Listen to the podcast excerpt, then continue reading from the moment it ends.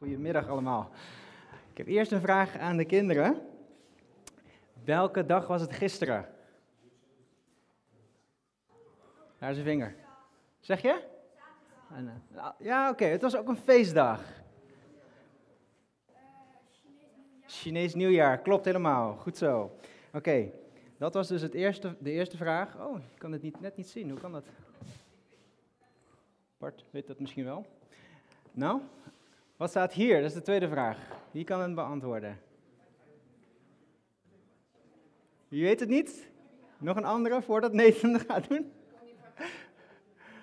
Kong Heva 2, dat lijkt erop, ja. Zij is getrouwd geweest met de Chinees. Dat telt eigenlijk niet. Nathan, zeg het maar. Gelukkig nieuwjaar in het Chinees, dat staat er. Goed zo. Hij leert Chinees thuis. Nou, in China vieren ze op dit moment Chinees nieuwjaar. En ik zeg op dit moment, terwijl je dacht, dat was toch gisteren? Nee, in China zijn de feesten heel lang. Het duurt zelfs twee weken lang dat dit feest gevierd wordt.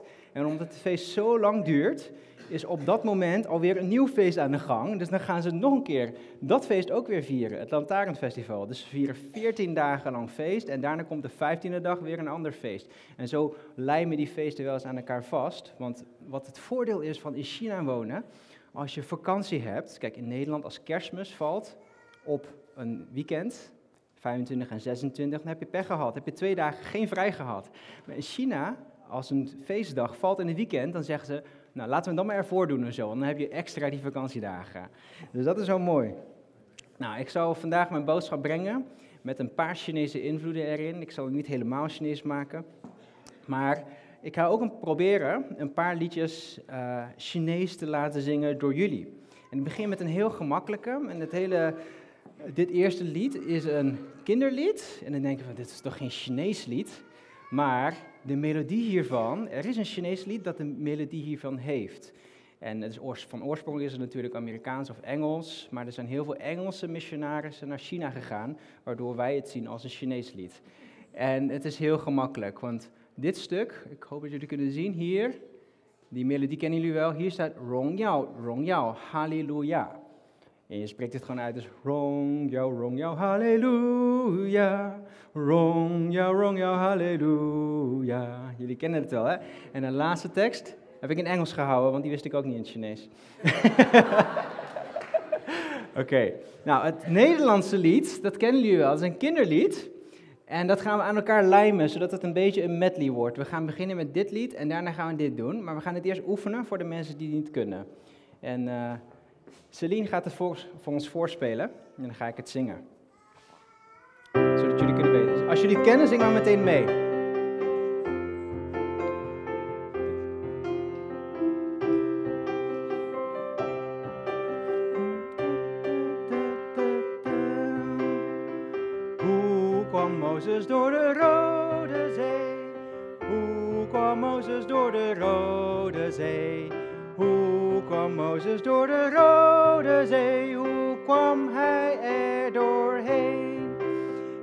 Hij vliegen? Nee, nee. Ging hij zwemmen? Nee, nee. Ging hij varen? Nee, nee, nee, nee. Over een brug? Nee, nee. Door een tunnel? Nee, nee. Hoe kwam hij er doorheen? God blies met zijn wind God blies net genoeg, genoeg, genoeg, genoeg, genoeg. En door de zee kwam toen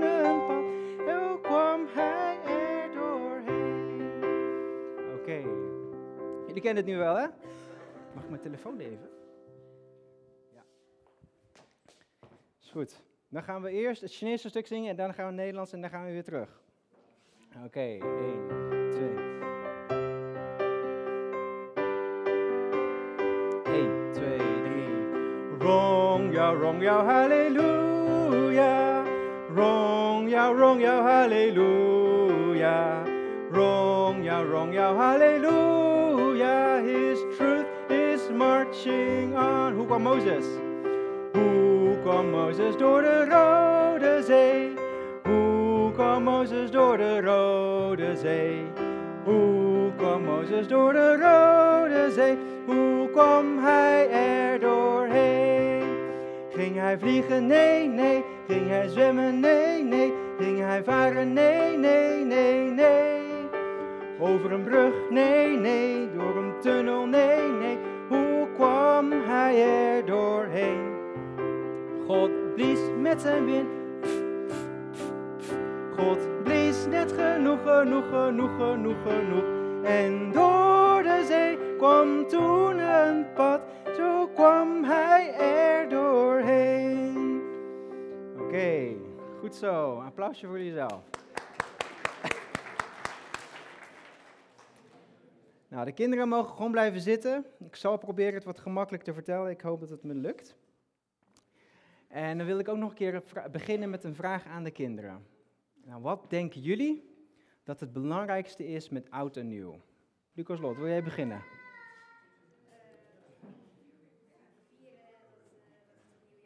Vieren dat het nieuwjaar is. Mooi, Salome? Vuurwerk. Had je ook weer vuurwerk willen zeggen? Wat hebben jullie nog meer? Is dat een vinger?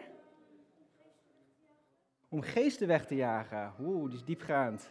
Dat is de oorsprong van waarom vuurwerk was bedacht. Die jongen daar.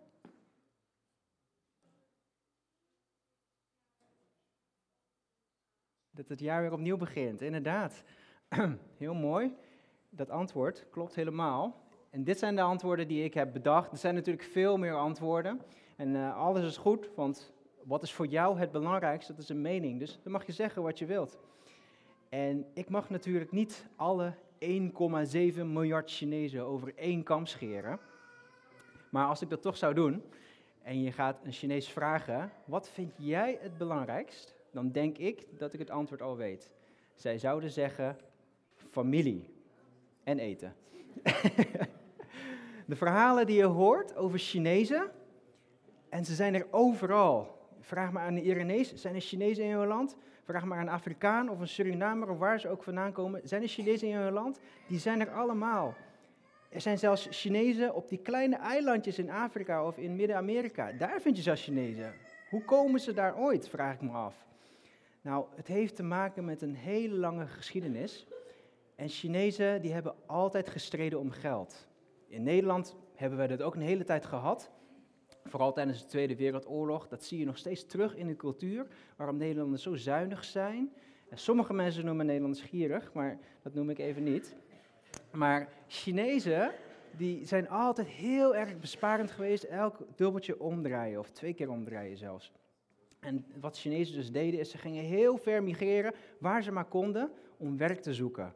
En als ze geld hadden kunnen sparen, dan stuurden ze dat allemaal terug naar hun familie. Mijn vader bijvoorbeeld, was op zijn negentiende vertrokken om werk te zoeken vanuit Maleisië. En toen kwam hij op een gegeven moment in Nederland uit. En toen bleef hij hier. En alles wat hij spaarde, daarvan, uh, alles wat hij verdiende, daarvan spaarde hij een klein beetje om voor, zichzelf, voor zijn toekomstige bruiloft, want hij had toen nog geen vrouw. En om zijn sigaretten te kopen, want dat was zijn plezier dan, zeg maar.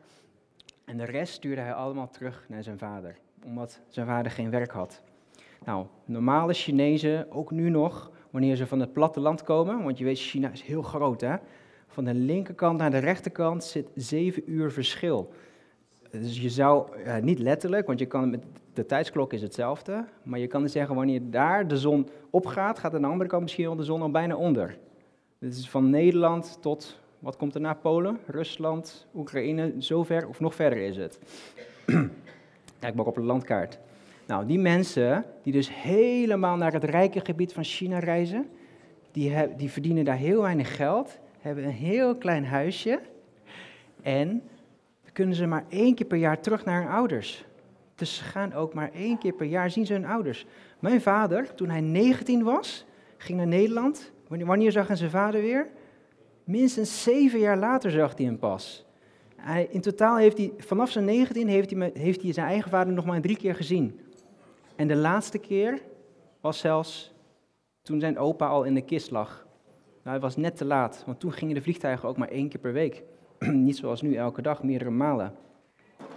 En wat je ook nog ziet bij Chinezen, is dat ze zevendaagse werkweken hebben. Wij hebben vijfdaagse werkweken, hè? maandag tot en met vrijdag. Bij hen is er geen vrije dag. Tegenwoordig iets meer, maar vroeger echt niet. Dan gaan ze gewoon doorwerken. En hun restaurant of hun cafetaria is dan zeven dagen geopend. En niet zozeer om rijk te worden.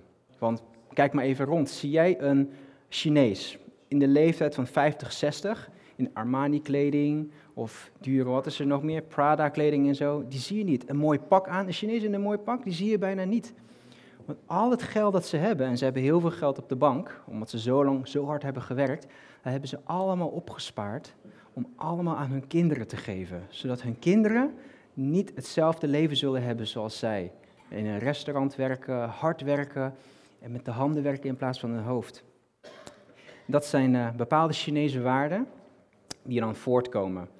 Um, dit is een beetje moeilijk te begrijpen, want elke cultuur heeft iets wat heel belangrijk is. Bijvoorbeeld de Spartanen, dat zijn mensen uit Griekenland, die hadden altijd in de cultuur, je moet sterk zijn, je moet een sterke soldaat zijn, want dan maak je je voorouders trots, dan maak je mij trots. De soldaat is trots. In um, uh, andere culturen is het uh, uh, dat je heel, een heel belangrijke artiest moet zijn, dat je je dromen moet naleven. In de Chinese cultuur is het dat je heel slim moet zijn.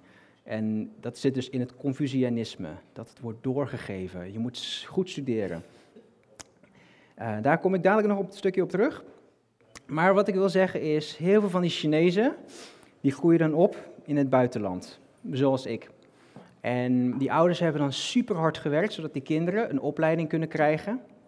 En wat voelen die kinderen dan? Die voelen dan enorm veel druk. Want niet alleen de ouders, maar ook soms het hele dorp in China heeft allemaal geld gespaard, zodat de slimste jongen van dat dorp naar de universiteit kan gaan. En die gaat dan studeren. Maar dan ligt dus de hele last van het hele dorp op de schouders van die jongen. En hij zegt, als ik nu faal, of als ik nu een jaartje blijf zitten, komt er zo weer 10.000 of 20.000 euro uit. Want een studiejaar op de universiteit is ongeveer 20.000 euro. In het buitenland nog duurder. En daarom hebben ze zoveel druk om te presteren. En later om al dat geld nog eens terug te betalen. Om dat volk of dat dorp te ondersteunen. Maar het heeft dus misschien voordelen. In het buitenland kun je heel veel geld verdienen. Maar het heeft ook nadelen. Want heel veel van die mensen die opgroeien in het buitenland, waaronder ik dus nogmaals, die verliezen ook een aantal van die Chinese waardes als je je niet meer onder Chinezen bevindt. En ik laat een filmpje daarvan zien. Oké, er zijn meerdere aspecten die jullie hier terugzien. Daar kom ik dadelijk nog op terug. Een van de dingen had Sander al een keer opgenoemd. Je moet eerst de ouderen laten eten. Hè? Dus daarom zeg je, pa, ga eten. En dan kan ik ook starten. Oké, okay, nou voordat ik ga verder ga, nog een paar vragen. Wat zijn de kenmerken van familie? Of laat ik beginnen met, wat zijn de kenmerken van vriendschap? Hebben jullie een paar dingen die jullie kunnen opnoemen? Lucas? beste vrienden en uh, altijd voor elkaar opkomen. Altijd voor elkaar opkomen. Wat zei jij? Vertrouwen. Vertrouwen, oké. Nog meer? Leuke dingen doen. Ook een goeie. Samenwerken. Samenwerken, oké.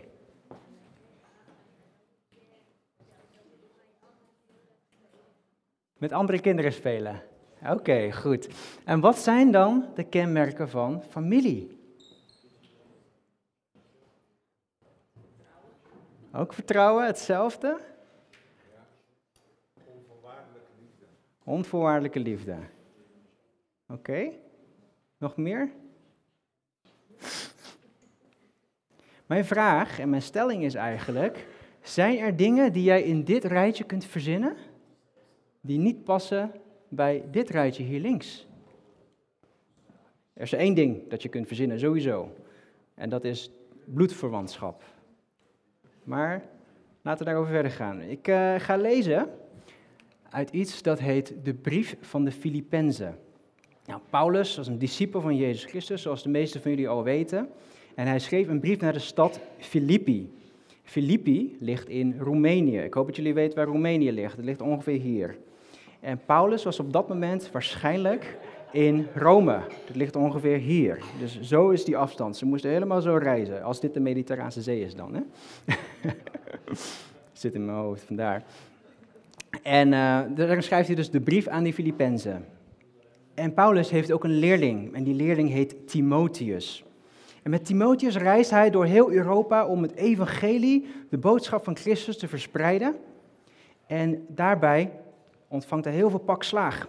Hij wordt geslagen, hij wordt gegezeld, hij wordt in de gevangenis gegooid. Met Timotheus weten we niet zeker, maar waarschijnlijk is Timotheus ook in de gevangenis gegooid, samen met Paulus. En op het moment dat Paulus deze brief aan het schrijven is, zit hij zelf zelfs in de gevangenis. En Paulus heeft twee mensen bij zich, gelukkig maar. Want Paulus zit in een gevangenis met zijn armen geboeid. Of in ieder geval aan kettingen en dat schrijft niet lekker. En waarschijnlijk mag niet eens een pen hebben, want een pen is gevaarlijk. Kun je mensen mee doden.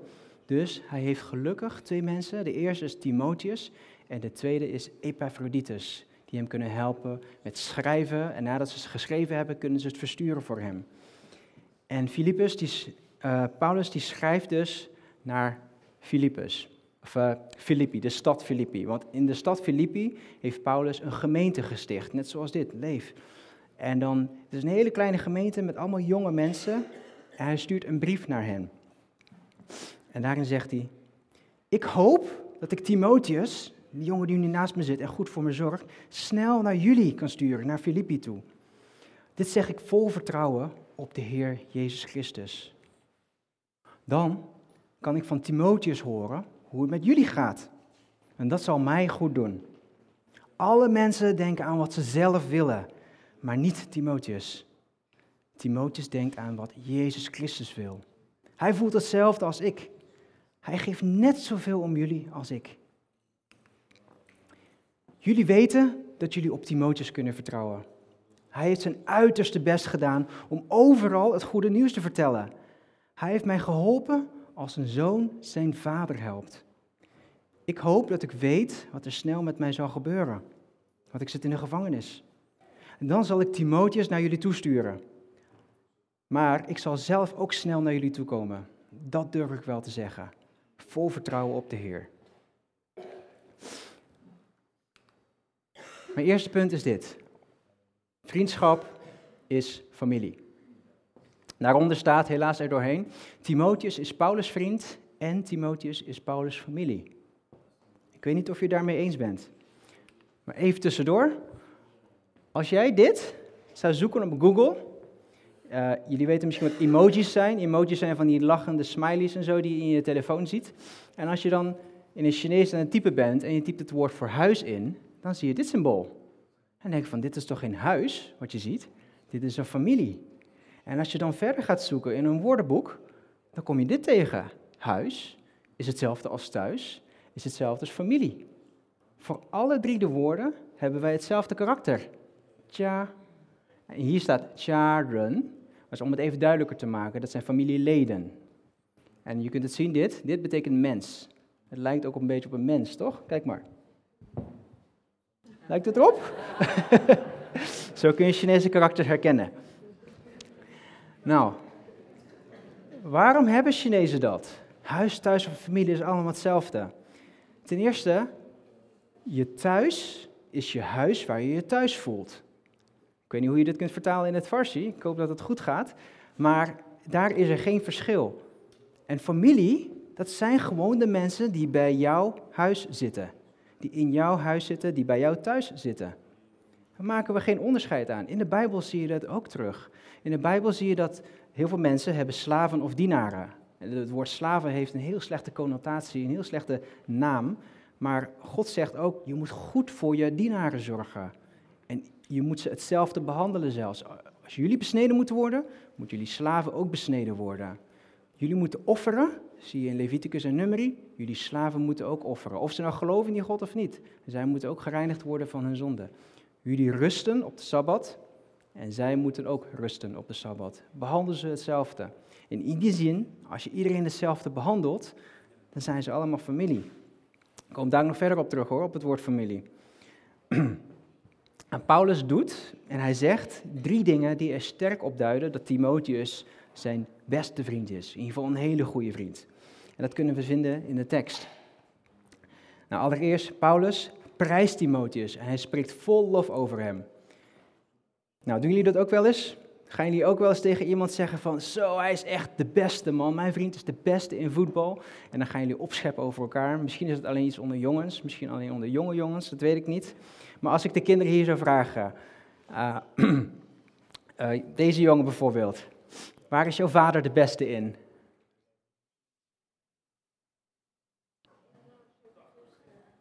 Wat zei hij? Branden blussen, oké, goed. En Lucas Lot, waar is jouw vader de beste in? Lesgeven, oké. En Nathan, waar is jouw vader de beste in? Geen antwoord? Tekenen, oh, dat wist ik niet. Oké. nou, nou, misschien ben je niet iemand aan het prijzen die jouw vriend is, zoals zij. Wie is nou beter? Is Ronaldo beter of is Messi beter? Maar toch, je zou wel willen dat hij je vriend was, toch? Nou, op zo'n manier zijn we onze vrienden of onze familieleden aan het prijzen. Je prijst niet iemand als je hem eigenlijk haat, dat zou ik zeggen. Het tweede wat Paulus doet is, hij beschouwt hem als zijn eigen familie. Hij zegt namelijk, ik beschouw hem als mijn zoon. Nou, als ik tegen jou zeg, hey, je bent niet mijn vriend, je bent mijn broer, dan moet je dat beschouwen als een compliment. En dat meen ik. Nou, om een voorbeeld te geven, er zijn een aantal vrouwen hier in deze gemeente die ik beschouw als een vriendin van me. Oké, dat is leuk. Maar er zijn ook een aantal vrouwen hier, van die vriendinnen van me, waarvan ik wel denk van, ik ben blij dat ze niet mijn zus is. Of ik ben blij dat ze niet familie van me is. Nou, dat klinkt heel erg gemeen, maar laat ik even vooropstellen dat het hoogstwaarschijnlijk aan mij ligt. Oké? Ik heb een moeilijk karakter en ik kan niet heel veel hebben van mensen die te veel verschillen van mij. En een vrouw is per definitie niet van hetzelfde geslacht als ik.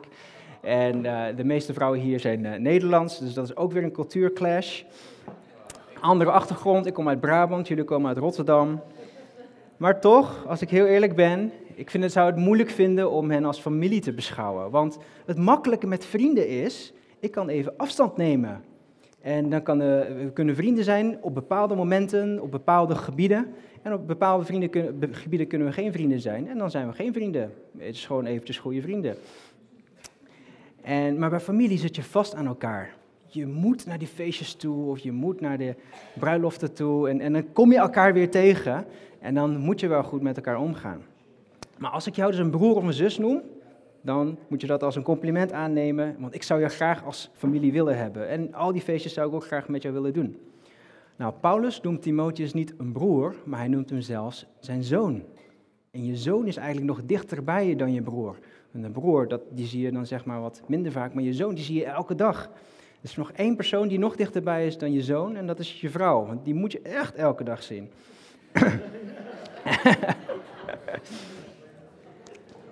Dus, Paulus moet wel hele goede vrienden zijn geweest en heel veel affectie hebben getoond voor Timotheus. Daarna is er nog een derde punt, en dat is Paulus heeft heel veel vertrouwen in Timotheus. Ik zei je net al, Filippi is een kleine gemeente, zoals dit. Maar ik durf te zeggen dat ze nog minder ervaren waren dan hier. Ze waren in het begin zelfs zo klein dat ze nog geen gemeente konden zijn. Ze hadden nog niet eens tien mannen. En ze hadden ook geen Bijbel. De Bijbel was toen nog niet compleet. Ze hadden alleen het Oude Testament en een aantal brieven. Dus heel veel verkeerde dingen gebeurden er in die gemeente. Dan komt er zo'n spreker, misschien iemand zoals ik, en die gaat allerlei verkeerde dingen zeggen. Maar die mensen weten dan niet dat het verkeerd is. En die gaat, dan gaan ze met die spreker mee en dan gaan ze ook verkeerde dingen doen. En ze hebben ook geen Bijbel, ze kunnen niet alles controleren of het waar is. En ze hebben misschien mensen die pas in het geloof zijn. Die hebben de, het Oude Testament nog niet eens uitgelezen. Maar deze baby dus, zal ik maar zeggen, deze babygemeente, die heeft Paulus gestart. En je gaat niet zomaar iemand sturen naar die gemeente waar je zoveel om geeft. Mijn zus bijvoorbeeld, die had een baby. En die was pas geboren, maar die gaf ze aan mij, zodat ik erop kon passen, want mijn zus moest gaan werken. En dat doe je niet zomaar, tenzij je iemand vertrouwt. Zij vertrouwde mij dus dat ik voor die baby kon zorgen. En hij vertrouwt ook Timotheus. Dit zijn ook allemaal punten die terugkomen in vriendschap en in familie. Zowel dat je je vrienden prijst, zowel dat je mensen als je eigen familie beschouwt. Je houdt van ze, je wilt dingen graag doen met ze. En dat je vertrouwen in ze stelt. Vriendschap zonder vertrouwen kan niet. Ik leen je mijn fiets uit, ik leen je mijn auto uit. Je mag in mijn huis komen, maar je gaat niks stelen, hè? Je moet een beetje vertrouwen hebben in je vrienden. En dit brengt ons op het tweede punt. Het tweede punt is Vriendschap bevat risico. Dus het eerste punt is, vriendschap is familie. Het tweede punt is, vriendschap bevat risico. Nou, Paulus die zit in een gevangenis en die heeft maar twee mensen die voor hem zorgen. Want hij kan niet voor zichzelf zorgen. Maar wat gaat hij doen? Van die twee mensen gaat hij eerst één persoon terugsturen naar die gemeente. En die persoon heet Epaphroditus. En daarna gaat hij die tweede persoon terugsturen. Dan heeft hij zelf helemaal niemand meer.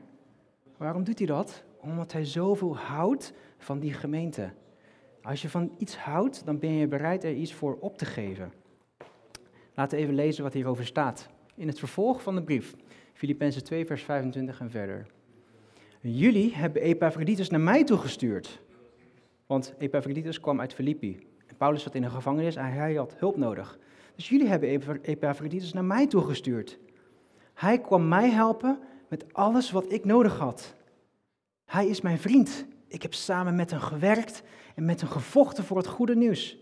Maar nu moet ik hem naar jullie terugsturen. Want jullie hebben gehoord dat hij ziek was. En nu zijn jullie ongerust. Epaphroditus weet dat en maakt zich zorgen over jullie. Hij verlangt er erg naar om jullie allemaal weer te zien. Epaphroditus was inderdaad erg ziek en hij is bijna gestorven. Maar God had medelijden met hem. En niet alleen met hem, ook met mij. God zorgde ervoor dat ik niet nog meer verdriet kreeg. Ik stuur Epaphroditus nu zo snel mogelijk naar jullie toe. Dan zullen jullie weer vrolijk worden en heb ik minder zorgen. Ontvang hem vol vreugde, zoals je iemand moet ontvangen die bij de Heer hoort. Jullie moeten respect hebben voor mensen zoals hij. Want door zijn werk voor Christus is hij bijna gestorven. Hij heeft mij geholpen en voor mij gedaan wat jullie niet konden doen. Daar wilde hij zijn leven voor geven. Nou, echte liefde en echte vriendschap, wat zich dus in de familiesfeer heel vaak toont, maar ook in de vriendschappelijke sfeer. Echte liefde en vriendschap, dat is zodanig dat mensen zich meer zorgen maken om andere mensen dan om zichzelf. Je hoort het al dat Epaphroditus eigenlijk, eventjes in mijn woorden, dit zegt. Epaphroditus is bijna aan het sterven en oh, hij is zo ziek. En dan zegt hij, Paulus, Paulus. En dan denkt Paulus, ja, wat is er, wat wil je hebben? Uh, maken de mensen in Filippi zich zorgen over mij? Uh, zeg dan tegen hen dat ze zich niet zorgen moeten maken over mij. Nee, nee, maak ze, laat ze geen zorgen maken over mij. Dus zelfs op het moment dat hij bijna doodgaat, gaat hij nog andere mensen, zich zorgen maken over andere mensen. We zagen net ook in dat filmpje, die Chinese vader. Hij was super verdrietig. Zijn vrouw was al gestorven. Zijn twee kinderen, die ziet hij niet vaak, want eentje woont in Hongkong, eentje woont in Australië. En hij woont zelf in Singapore. Kijk hoe ver die afstand is. Het is twaalf uur vliegen naar Australië. En toch Zegt die vader zo van, nee, nee, nee, nee, is goed. Ga maar naar Tokyo Disney, want jij moet tijd hebben met je gezin. Oh, jij moet werken, snap ik. Goed, ga maar werken, is goed. En hij zegt het niet. Het jammer is wel, hij gebruikt er een leugen bij. Want hij zei, oh, mijn zoon die komt terug. Maar die zoon kwam eigenlijk helemaal niet terug. Want hij wist dat hij anders een druk zou leggen op de dochter. En dat wilde hij niet. Nou, mijn vader, die is ook Chinees dus, die heeft wel eens gezegd, Chinezen zijn de beste van alles in de wereld. Maar Chinezen zijn ook de beste van al het slechte in de wereld. Daarmee bedoelt hij te zeggen, dus als je kijkt naar wat Chinezen heel goed in zijn, heel veel prestaties, heel goed in rekenen bijvoorbeeld, dat geeft hij allemaal toe. Maar als je kijkt naar gokverslavingen en andere verslavingen, dan zie je dat ook, dat Chinezen daar de beste in zijn. Gaan we naar Holland Casino, zit helemaal vol met Chinezen. En wat betreft ouderzorg, dan zie je ook, Chinezen die zorgen heel goed voor hun kinderen. Heel veel van de kinderen die je hier ziet in Nederland, allemaal Chinese mensen, zijn allemaal hoog opgeleid, omdat hun ouders heel streng voor hen waren geweest. Heel veel hebben gespaard, zoals ik net al zei, al het geld opzij hebben gehouden, zodat hun kinderen konden studeren. En niet met de gedachte van, oh, er komt al studiefinanciering en de overheid zorgt al voor ze. Want die intentie hebben ze niet. In dat soort landen is er geen studiefinanciering, is er geen pensioen. Kom ik daar ook nog op terug? maar daar hebben ze dus al het geld gespaard om aan de kinderen te kunnen geven. Maar tegelijkertijd, ze, tegelijkertijd zijn ze heel slecht in een van de belangrijkste dingen. En dat is het tonen van liefde. Mijn vader die houdt heel veel van me. Maar ik heb in mijn hele leven hem nog nooit de woorden horen zeggen, ik hou van je. Ik heb het, om precies te zijn, maar één keer gehoord. En dat is in een andere context. En toen was ik al twintig of bijna twintig. en hij zei het op een manier van, ja, natuurlijk is het logisch dat je me iets vraagt als je het nodig hebt. Dat is omdat ik van je hou. En toen ik dat woorden, hoorde, die drie woorden, toen schrok ik. Wow, houdt mijn vader van me. En dat hoort niet, als een zoon hoor je niet dat gevoel te hebben dat je daarvan moet schrikken. Maar direct zo tegen mij, nog nooit gehoord. En, maar ik weet dat hij van me houdt. Een ander voorbeeld is, ik heb mijn vader gisteren opgebeld om te, vragen, om, eh, om te zeggen, hey, ik kom morgen naar je toe, want het is Chinees nieuwjaar. Dus uh, ik dacht eigenlijk dat het zondag was, Chinees nieuwjaar. het bleek dus zaterdag te zijn, toen ik eens allemaal WhatsAppjes kreeg. maar uh, um, toen heb ik hem dus gezegd van, ja, ik kom naar je toe en ik ga even langs de Chinese winkel toe, want daar hebben ze eten en dan hoef je vanavond niet te koken. En hij zei van, wat, kom je helemaal hierin toe, alleen maar om te eten? Nee, nee, weet je. Is, is goed, want mijn moeder is naar Engeland toe om mijn broertje op te zoeken en hij is helemaal alleen met Chinees nieuwjaar, dus ik kom daar naartoe. Een Nederlander misschien zou zeggen, oh gezellig, leuk dat je komt. Maar hij zegt ze van, nee, kom niet, weet je wel, het kost je geld om, en, je moet morgen weer vroeg werken, je moet helemaal naar Utrecht toe, dus uh, is, is goed, blijf maar gewoon daar, weet je, we kunnen een andere keer wel eten. Terwijl ik weet dat hij eenzaam is, toch geeft hij dat niet toe. Hij geeft heel moeilijk zijn gevoelens toe. En voor mijzelf is dat ook heel moeilijk, want dat heb ik overgeërfd van hem. Heel moeilijk om mijn gevoelens over te dragen naar andere mensen toe, naar mijn vrouw en mijn kind. Gelukkig gaat het wel beter, omdat je hier onder zoveel liefhebbende mensen zit. Nou, over het tweede stuk. Vriendschap en familie zijn risicovol. Paulus gaat Timotheus dus sturen met de kans dat hij nooit meer terugkomt. En dat is heel gevaarlijk, want Paulus heeft al de hulp nodig die hij kan hebben. Epaphroditus, zoals jullie weten, komt uit Filippi, uit Roemenië en hij is naar Rome gegaan. En er zijn twee manieren waarop je naar Rome kunt gaan. Je kunt via de zee gaan of je kunt via het land gaan. Als je via het land gaat, is het heel gevaarlijk, want er zijn heel veel bandieten. Dan word je doodgeslagen of je wordt beroofd. Maar als je over zee gaat, is het ook heel gevaarlijk, want dan heb je allerlei scherpe rotsen. Vooral in de Middellandse Zee, rond dit gebied, uh, Griekenland en zo, dan kun je, kan je schip zo kapot gaan. Dus dan moet je een hele omweg maken onder die rotsen heen, in het midden van de Mediterrane Zee. Maar als je dat doet, heb je weer een ander gevaar, want daar zijn de golven veel hoger en de wind veel sterker. Paulus heeft al drie keer meegemaakt dat zijn schip omver was geslagen. En hij heeft toen drie dagen lang op zee gezeten, op een stuk hout, waarin hij zich aan vasthoudt. Probeer me je maar voor te stellen. Drie dagen lang vasthouden in de koude zee, zonder eten en drinken. Maak je niet graag mee. Nou, wij zelf houden van mensen. We houden van jullie, we houden van de kerk in Afrika. En een aantal mensen hier zijn ook naar de kerk in Afrika gegaan, naar de kerk in Gambia. En we denken van ja, tuurlijk, we houden ervan. Maar als wij die mensen uitsturen naar Afrika, is er dan wel een kans dat ze niet terugkomen. Want van een vriendin heb ik gehoord dat, ze daar, dat het daar super koud was s'avonds. En het is koud, want het is winter. En ze hebben geen ramen. En er zijn malaria-muggen. En malaria is een ziekte dat als je door een mug wordt gestoken, dan kun je zo doodgaan. En dus het is ook best wel riskant voor ons. Maar omdat wij van hun houden, gaan we het toch doen. Dus in houden van, in vriendschap zit er een risico. En ik ga nu ook iets risicovols doen. Dat zien jullie hier.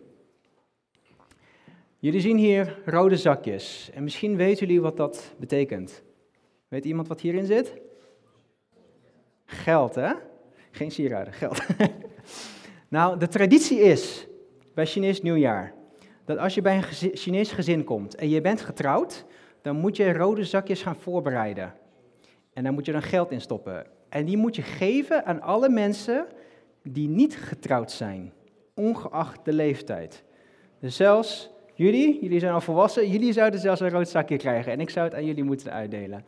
Nou, heel leuk is dat. Nou, niet zo leuk voor de mensen die getrouwd zijn natuurlijk. Maar het zit zo. Waarom geven wij rode zakjes met geld? Het is een soort spaarpotje. Jullie mogen het allemaal opsparen. Maar ik verwacht wel later dat als jullie getrouwd zijn en mijn kind is heel jong en nog niet getrouwd, dat jullie dan ook elk jaar geld geven aan Hem. En zo is dat een soort leensysteem waarin je aan elkaar doorgeeft om elkaar te helpen door de financiële moeilijkheden te komen. Om het geld gewoon goed op te sparen. Het is niet zoals in Nederland van, oh, het is leuk geld, ik ga er meteen cadeautjes mee kopen. Nee, het geld wordt gewoon opzij gezet om voor je toekomst. Nogmaals, in China is de gedachte altijd, de overheid zorgt niet voor ons, we hebben geen AOW, we hebben geen pensioen of al die andere uitkeringen. Als ik ziek ben, heb ik een probleem. Nou, en ik ga dus wat geld uitdelen aan alle kleine kinderen. Jullie mogen allemaal daar naartoe gaan. En er zal Nathan een zakje voor jullie uitdelen. Wie het eerst komt, wie het eerst maalt, hè? Snel! Gaan die kinderen niet? Willen jullie geen geld? Nee? Nee? Oh, ik dacht dat ik niet genoeg zou hebben. Nou, terwijl Nathan dan aan het uitdelen is, wil ik zeggen tegen de mensen hier, de ouders bijvoorbeeld, jullie hebben ook een heel groot risico genomen. Ik neem het risico met de rode zakjes, met de kans dat ik nooit iets meer terugkrijg van hen. Maar jullie ouders, jullie hebben een risico genomen door een kind te nemen of te adopteren.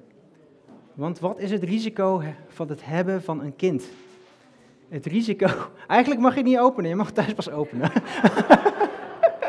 Het is onbeleefd om te kijken hoeveel erin zit. nee. Nou, voor de ouders, jullie hebben het risico genomen om een kind te hebben. En dat het kind later de liefde nooit meer teruggeeft. Mijn ouders, en waarschijnlijk ook heel veel andere Chinese ouders, die hebben tegen mij gezegd, toen ik jong was, kijk, ik heb jouw kont gewassen toen je jong was. Later, als ik oud ben, verwacht ik dat jij ook mijn kont wast. Je gaat me niet in een bejaardenhuis stoppen. Je gaat gewoon voor me zorgen. En wat ze nog meer hebben gezegd is: alles wat we nu opgeven is voor jullie. Ik heb geen pensioen. Mijn vader was ondernemer, dus hij mocht zijn pensioen zelf kopen. Maar hij zei: Ik heb geen pensioen, ik heb geen uitkering, ik heb geen spaargeld, ik heb niet eens een eigen huis. Al mijn geld heb ik in jullie, mijn drie kinderen, gestopt. Als ik oud ben, is het enige dat ik hoop dat jullie af en toe een vliegtuigticket voor mij kunnen kopen. Want dan kan ik naar mijn huis toe in Maleisië, in de koude wintermaanden van Nederland. En in de zomermaanden kan ik weer naar Nederland. En dan hoop ik dat ik bij jullie kan slapen. En dan zal ik gewoon verdelen, weet je wel. Twee maanden bij jou, twee maanden bij je broertje, twee maanden bij je zus. Dat is natuurlijk een mooie verwachting en een mooie manier van iets teruggeven aan je ouders. Maar hoe kunnen zij nou zeker weten dat ik zoiets terug ga geven aan hen. Misschien krijg ik later ruzie met mijn ouders en dan denk je van nee, ik koop helemaal geen ticket meer voor je. En voor jullie hetzelfde. Hoe weet je nou of je kinderen, niet, misschien niet financieel gezien, maar qua liefde, dat terug zullen geven aan jou? Dat weet je niet. Voordat ik daar verder op inga, ga ik nog naar punt 3.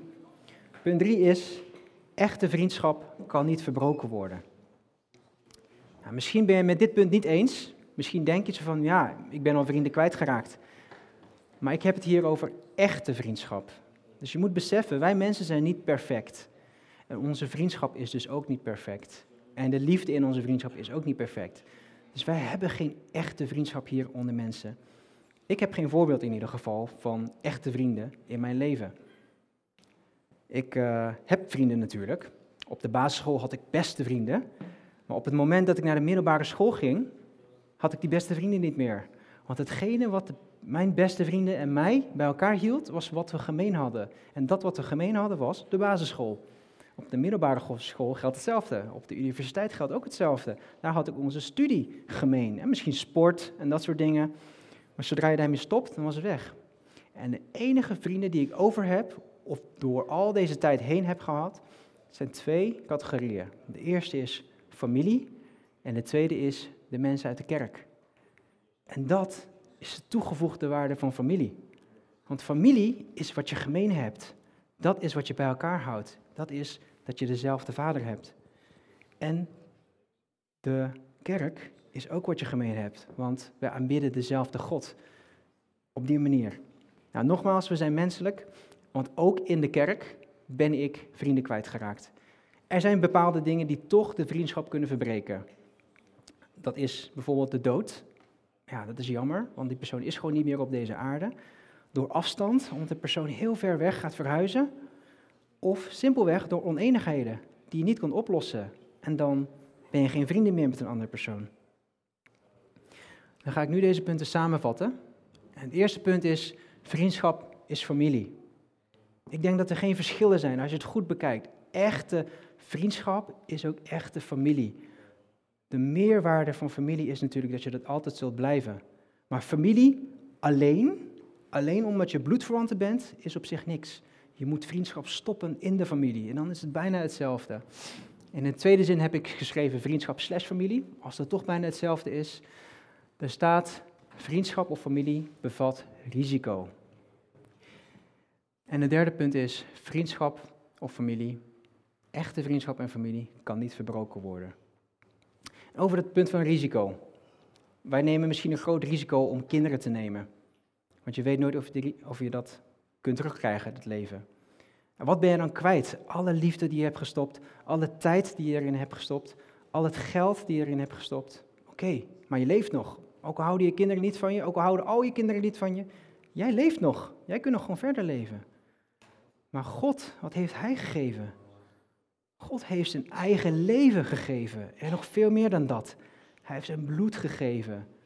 Jullie hebben pijn geleden, vooral de vrouwen. Die hebben hier een litteken of twee of zo van het baren. Als je keizersnede hebt, heb je nog groter litteken en ben je heel veel bloed kwijtgeraakt. Maar Jezus was zoveel bloed kwijtgeraakt en spieren en botten uit zijn lichaam werden er geslagen. Letterlijk gaten werden er geslagen in zijn lichaam. Dat is er allemaal kwijtgeraakt. Met als risico dat jullie, dat wij, niet eens meer terughouden van Hem. En het derde punt, vriendschap, familie, kan niet verbroken worden. Daar heb ik ook een vers voor. Vriendschap hier op aarde kan verbroken worden door die drie dingen die ik net heb genoemd. Door afstand, door dood, door oneenigheden, misschien zelfs meer redenen. Maar over echte liefde zegt God dit. Wie zal ons scheiden van de liefde van Christus? Verdrukking of benauwdheid of vervolging of honger of naaktheid of gevaar of zwaard. Dus zelfs als wij doodgaan door het zwaard. Nee, niets. Want er staat verder, maar in dit alles zijn wij meer dan overwinnaars door Hem die ons heeft liefgehad. Want ik ben ervan overtuigd dat nog dood, nog leven, nog engelen, nog overheden, nog krachten, nog machten, nog toekomstige dingen, nog hoogte, nog diepte, nog enig andere schepsel, noem het maar op, niks zal ons scheiden van de liefde van God in Christus Jezus onze Heer. En dus je mag weten, die liefde die jij hebt, die God voor jou heeft, die vriendschap die je hebt, die kan nooit verbroken worden. En dan denk je misschien, ja, maar wat als ik zo'n slecht iets heb gedaan, zo'n groot zonde, noem het maar op, misschien heb je iemand vermoord. Wat kan er nog erger zijn dan dat? Kan, die, kan dat die vriendschap van me scheiden? Want ik wist dat God van me hield, maar toch heb ik zijn gebod verbroken. Ja, God houdt nog steeds van je. Er is niets dat die liefde van Hem voor jou kan verbreken en die vriendschap zal blijven. Laten we afsluiten met gebed. Lieve Heere God, dank u wel. Wat we vandaag met Chinees nieuwjaar, of gisteren eigenlijk, mogen danken voor alles wat u gegeven hebt. En dank u wel dat ik voorbeelden mag gebruiken uit de Chinese cultuur en deze hier mag toepassen. Eigenlijk om te weten dat er niet zoveel verschil is in liefde en in familie en in vriendschap. Er zijn verschillende manieren. Chinezen uiten het niet graag met woorden. Nederlanders uiten het wel heel graag met woorden en met knuffels en met kusjes. Dank u dat ik dit allemaal mag meemaken van, om de, het beste van beide werelden te weten. Maar wat het beste is, van, niet van deze wereld, maar van uw wereld, is dat u ons nog meer lief heeft. Tot op het bot, tot op de ziel. Zo'n liefde hebben we nooit gekend van onze ouders. Dank u wel dat we daarover hebben mogen leren. En dat u ons leert hoe wij andere mensen moeten liefhebben. Dat u ons leert dat liefde niet simpel is. Vriendschap is niet simpel. Het gaat ons heel veel kosten. Er is een risico dat het ons nog meer kost. Maar u heeft het gedaan. En wij moeten daar niet bang voor zijn om andere mensen lief te hebben. Vader, dank u wel voor uw belofte. Dat u ons altijd lief zult hebben en dat niets ons kan scheiden van uw liefde. Ik vraag u dat de mensen hier die hebben mogen luisteren naar deze boodschap, ook deze liefde op de eerste plaats zullen zetten. Om uw liefde te hebben op de eerste plaats. En van daaruit de mensheid. In de naam van Jezus Christus vraag ik u dit. Amen.